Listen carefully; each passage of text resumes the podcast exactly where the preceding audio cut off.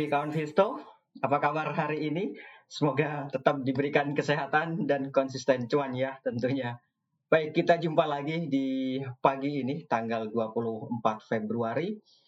Uh, seperti biasa di Trading Ideas, sebelum kita membahas tentang trading ideas, ada baiknya kita uh, review dulu pergerakan IISG di perdagangan kemarin. Ya, kalau melihat pergerakan indeks di perdagangan kemarin, di mana indeksnya memang betul ditutup menguat yaitu di 6920 atau menguat sebanyak 58 poin. Ini cukup banyak sih. Uh, cukup banyak lah gitu ya. Kalau secara persentase indeksnya itu ditutup sebanyak 0,85 persen. Di atas 0, di atas 0,5 persen itu cukup banyak. Kemudian sebenarnya uh, di awal pembukaan indeks mampu untuk menguat cukup tinggi, kemudian dia mengalami tekanan jual. Jadi dari awal perdagangan sebenarnya indeks mengalami tekanan jual ketika dia mampu dibuka menguat cukup tinggi, lalu dia mengalami tekanan jual itu sampai bertahan di akhir sesi pertama. Jadi di sesi pertama itu sebenarnya indeks berada pada kecenderungan melemah meskipun masih di teritori uh, positif gitu ya.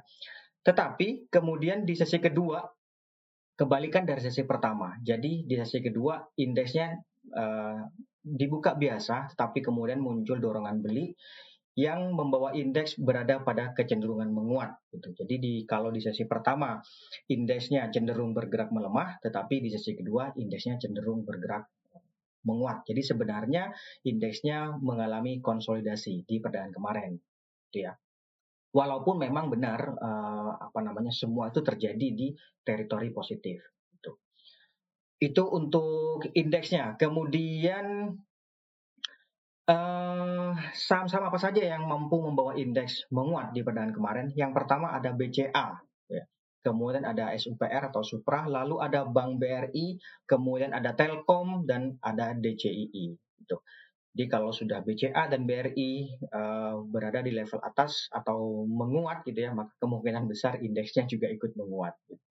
Kemudian lima lima besar saham yang mencoba untuk menghambat laju penguatan indeks itu yang pertama ada BEPS, kemudian ada Arto, lalu ada ISAP, kemudian ada TCPI dan terakhir ada MSIN. Itu dia lima besar saham yang mencoba untuk menghambat laju penguatan indeks.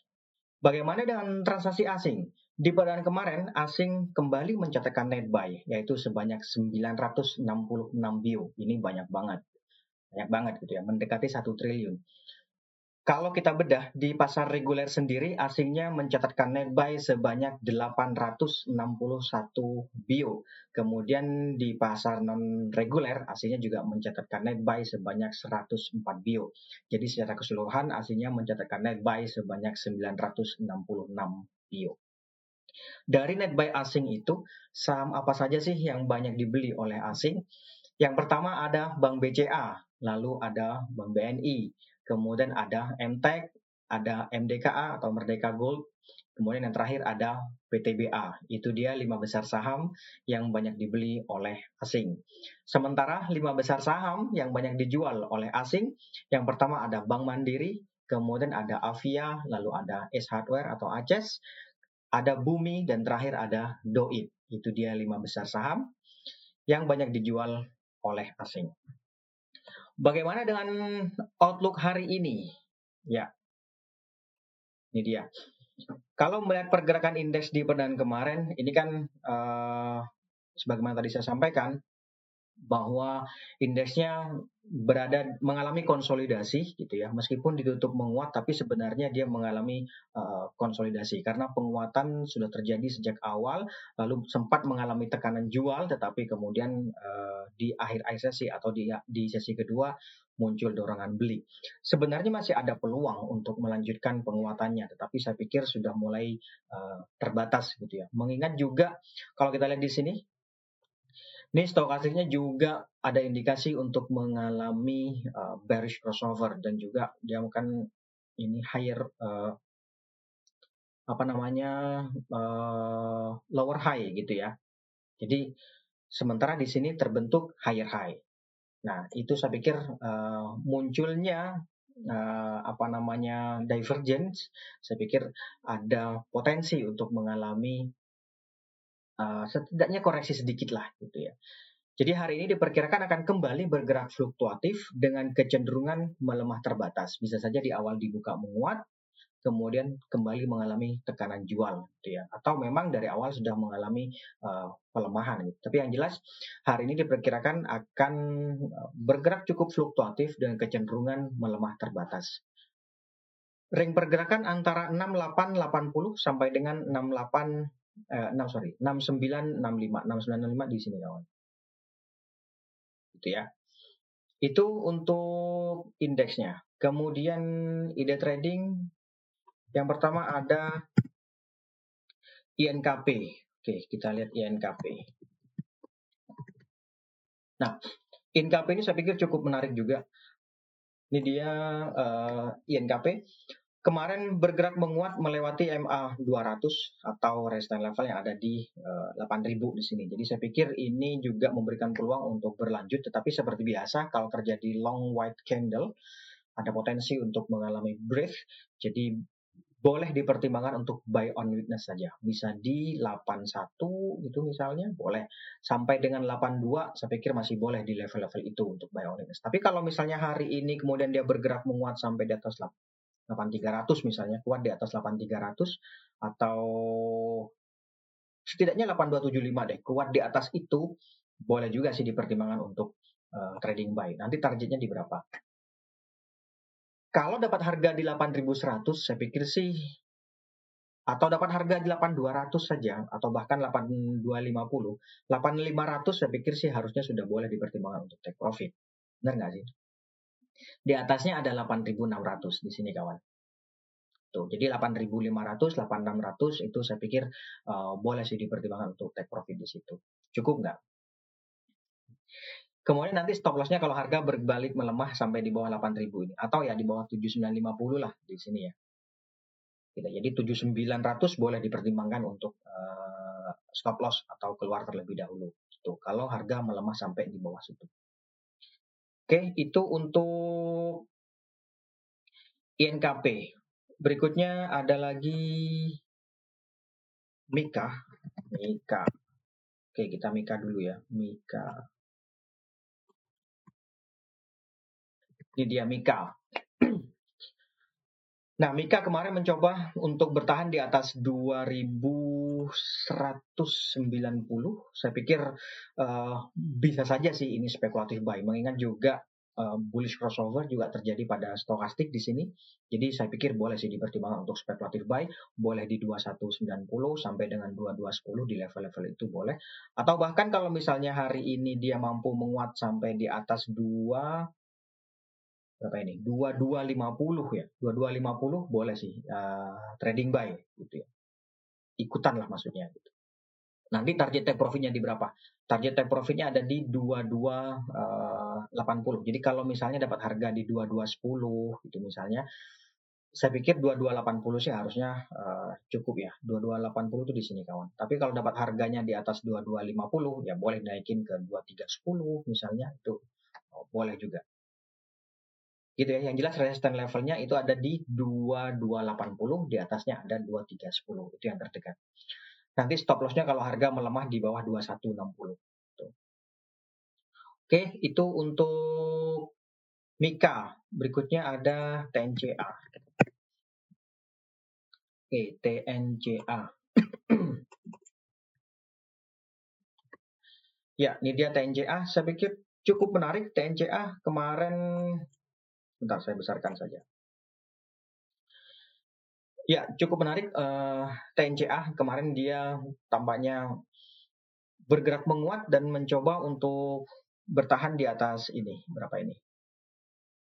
1160 ya 1160 mencoba untuk bertahan di atas itu white opening Marubozu yang terbentuk saya pikir memberikan peluang untuk berlanjut menguat tetapi bisa saja ini mengalami uh, apa namanya breath kayak di sini nih kayak di sini nih ya jadi dia menguat di kan kurang lebih sama nih polanya gitu ya uh, dia menguat terlebih dahulu kemudian besoknya dia melemah kemudian melanjutkan penguatan bisa saja hari ini pun demikian. Jadi boleh dilihat apakah hari ini dia mampu bertahan di atas 13.30 atau gampangnya gini deh. Kalau hari ini dia dibuka melemah, ada baiknya buy on weakness. Tapi kalau dibuka menguat, kemudian bertahan di atas 1380 atau di atas closing kemarin, bisa spekulatif buy. Tapi kalau ternyata dibuka menguat, kemudian turun di bawah closing kemarin, sama kurang lebih ya buy on weakness saja.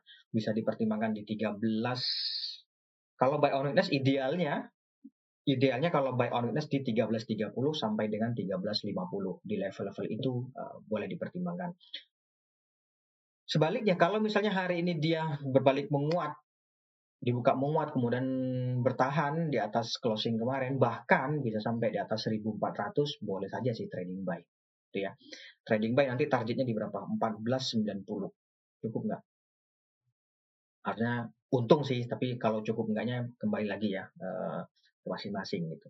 Yang jelas white opening Marubozu yang kemarin terbentuk, kemudian bullish crossover yang terjadi pada uh, stokastik ini, saya pikir memberikan peluang untuk menguat dalam jangka pendek. Tapi sekali lagi bisa saja uh, terlebih dahulu pause atau breathe gitu ya. Oke, itu untuk TNCA. Kita lanjut. Ada lagi Arto. Oke, Arto. Ya, Arto di perdagangan kemarin mulai terkoreksi karena sudah sepekan terakhir, lima hari sebelumnya gitu ya, atau bahkan enam hari. Ya, lebih dari sepekan, enam hari nih. Ini dia enam hari nih. Dia bergerak menguat, kemudian kemarin tampaknya belum mampu untuk melewati EMA uh, 50. Jadi saya pikir bagi yang sudah punya kemarin-kemarin di sini, ada baiknya dipertimbangkan take profit terlebih dahulu.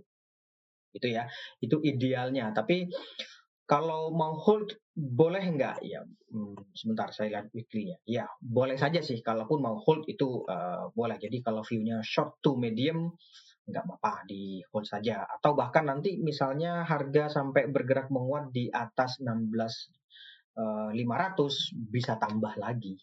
Justru bisa tambah lagi gitu ya. Untuk yang view-nya uh, short to medium. Tapi untuk yang view-nya short term saran saya sih mending dipertimbangkan terlebih dahulu untuk take profit. Nanti belinya ya di kisaran sinilah 15.600 gitu misalnya atau 15.000 bahkan gitu. Oke, itu untuk Arto. Oh, sorry, ini lupa. Ini ya, itu untuk Arto sekali lagi. Untuk short term itu boleh dipertimbangkan untuk take profit terlebih dahulu. Untuk short to medium ya bisa saja uh, apa namanya di hold terlebih dahulu. Bagi yang baru mau masuk ada dua pilihan tadi buy on breakout atau buy on weakness sekalian gitu ya. Itu untuk Arto. Kita lanjut. Ada Telkom. Telkom. Ya, ini dia Telkom. Telkom sebentar. Ya, Telkom kemarin mampu di YouTube menguat dan tampaknya mencoba juga untuk bertahan di atas ini berapa ini 4280. Jadi sebenarnya bisa saja ini trading buy. Trading buy nanti target take profitnya di sini kawan. Cukup nggak? 4 400. Ya, 4400 di atasnya 4470. Boleh dipertimbangkan di level-level itu untuk uh, take profit gitu. Jadi sekali lagi ini boleh saja trading buy atau speculative buy. Tapi kalau mau ideal ya tentu ini adalah buy on weakness. Nunggu nanti stokastiknya setidaknya stokastik memasuki uh, oversold area lah setidaknya gitu ya. Itu untuk uh, short term. Tapi kalau untuk sekali lagi untuk short to medium ini kan trennya masih up. Jadi ya bisa saja di apa namanya uh, uh, buy at any price kalau untuk short to medium ya bisa saja tapi sekali lagi itu nggak ideal kalau mau ideal ya buy on the tadi oke okay, itu untuk uh, Telkom kita lanjut ada lagi Mega oke okay, Mega ini dia. Sampai dengan saat ini, oh sebentar, sebentar, saya ganti dulu. Ya, sampai dengan saat ini dia masih mengalami konsolidasi di atas. Nih ya. Konsolidasi di atas dan saya pikir idealnya ini adalah buy on uh, breakout. Gitu ya. buy on breakout nanti di atas di atas 10.000 sih idealnya gitu ya.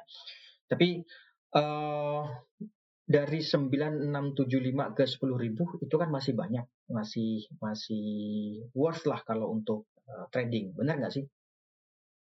Nah kalau itu masih oke, okay, saya pikir boleh saja sih untuk uh, trading buy gitu ya. Dan perlu diingat juga bahwa ini kan tampaknya akan membentuk pola gitu ya. Uh, continuation gitu ya. Semua pola kan continuation. Jadi makanya uh, tadi saya sampaikan idealnya adalah buy on breakout karena begitu dia lepas di atas 10.000 inilah setidaknya gitu ya uh, ada peluang untuk uh, bergerak lebih lanjut atau menguat lebih lanjut gitu. Tetapi dari sekali lagi 9675 ke 10.000 itu kan masih masih ada uh, spread lumayan gitu ya. Jadi bisa saja trading buy. Nanti targetnya di 10.000 gitu ya. Atau kalau mau buy on ya di level sini yaitu di 9500 9500 ke bawah. 9550 sampai dengan 9400 lah 9400 sampai 9550 boleh dipertimbangkan buy on di level-level itu. Nanti targetnya di berapa? Ya kalau dapat harga 9500 saya pikir uh, di sini 9850 itu uh, boleh sih dipertimbangkan untuk take profit karena kan sebenarnya sudah untung gitu. Oke? Okay? itu untuk Mega. Kita lanjut. Ada lagi Elsa. Elsa, oke. Okay. Ya, ini dia Elsa.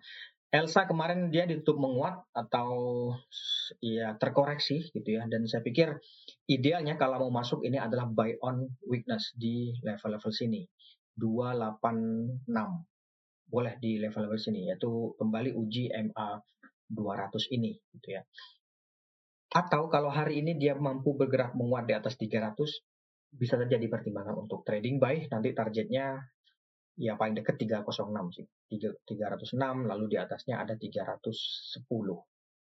Itu. Jadi kalau mau ideal ini adalah buy on weakness gitu. Itu untuk uh, short term. Bagaimana untuk short to medium? Ya, untuk short to medium ini trading buy targetnya di sini kawan 314 Ya, 310 sampai 314 di level-level situlah. Kalau yang punya harga uh, dari sebulan kemarin, saya pikir ada baiknya dipertimbangkan untuk uh, apa namanya, mulai take profit barangkali gitu ya. Oke, itu untuk Elsa. Kemudian berikutnya ada lagi, ntar saya lihat, Gosco. Gosco. Oke, Gosco. Iya, Gosco ini ARB ya kemarin ya. Kalau melihat ini tekanan jual kan terjadi nih, apalagi long white sebelumnya. Jadi saya, saya khawatir ini terjadi lagi eh, apa namanya tekanan jual. Jadi ada baiknya take profit saja dulu. Gitu ya. Kalau misalnya hari ini dia berbalik menguat di atas 183 atau 185 sebentar. 183 bisa ikutan trading buy lagi. Nanti targetnya berapa? 190 193 di di daerah-daerah situlah gitu ya. Oke itu untuk uh, Gosco. Yang jelas idealnya ini take profit. Tapi kalau hari ini dia mampu menguat di atas 183 boleh saja ikutan trading buy oke kemudian berikutnya ada lagi setelah Gosco apa? Uh, kita lihat dulu ada Bank Jabar, BJBR.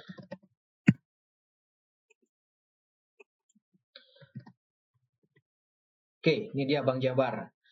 Ya, BJBR kemarin mampu ditutup menguat, hanya saja sebenarnya dia mengalami konsolidasi. Kalau melihat stokastik ini kan cenderung melemah nih. Saya khawatir ada potensi untuk mengalami koreksi jangka pendek. Jadi bisa saja dipertimbangkan untuk take profit gitu ya.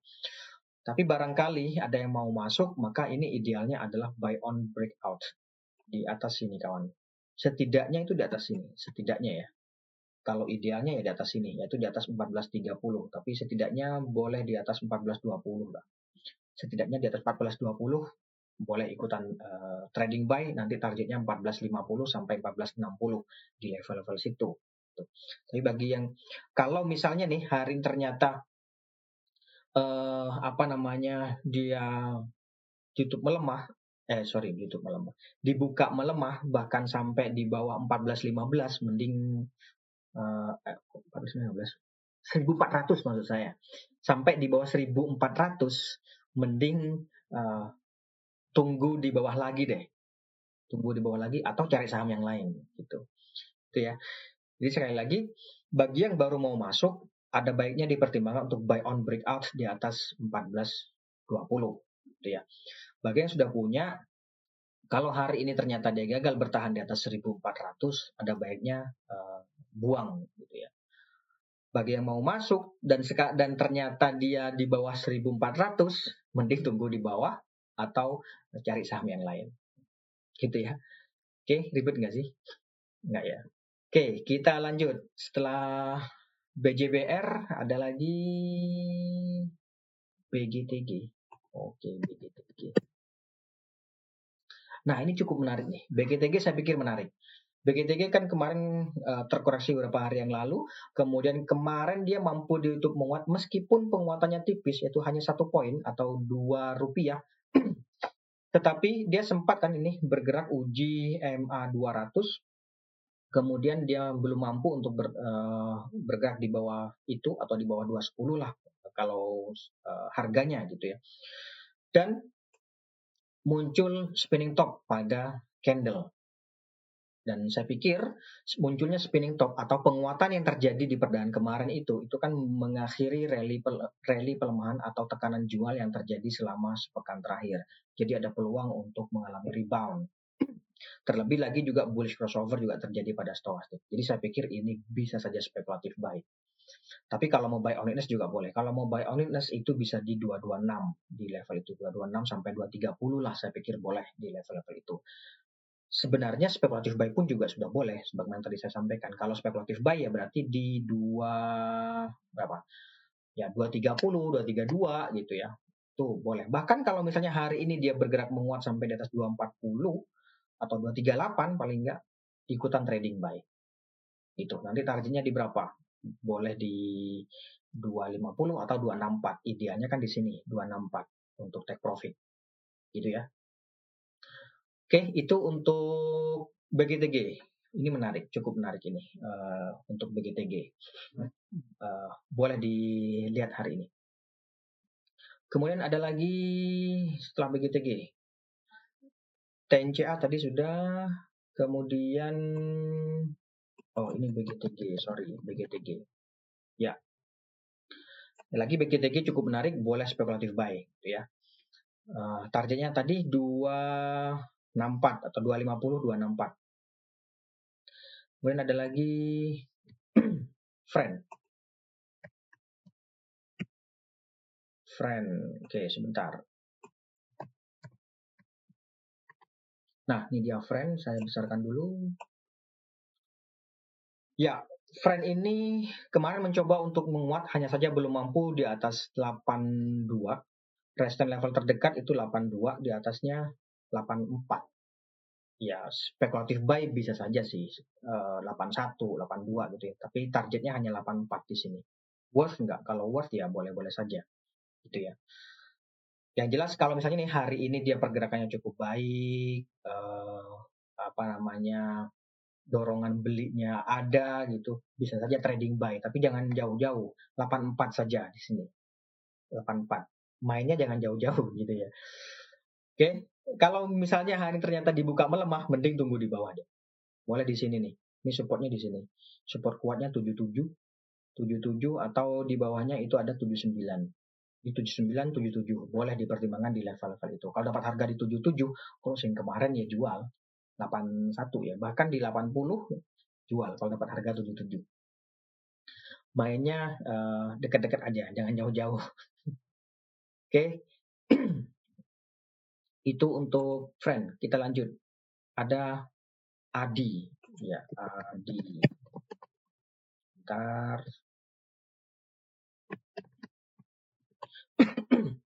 Ya, sebagaimana saya sampaikan kemarin, Adi, Adi uh, mengalami tekanan jual, jadi ada baiknya dilakukan penjualan terlebih dahulu. Tapi kalau sekarang kan sudah uh, kemarin bergerak melemah, support terdekatnya itu ada di 800 sampai dengan 785 di level-level itu. Jadi saya pikir kalau sudah jualan kemarin, sekarang boleh dipertimbangkan untuk uh, bottom fishing di 785 sampai dengan 800 gitu ya. Jadi nanti yang jualan kemarin barangnya nggak hilang. Gitu. Oke, itu untuk uh, Adi. Yang jelas supportnya itu tadi 785 sampai dengan 800. Kemudian resistennya di berapa? Resistennya di sini 880. Jadi misalnya nih hari ini ternyata dia dapat ternyata kita dapat di harga 785 atau 800. Boleh pasang jual di 880 di sini kawan. Gitu.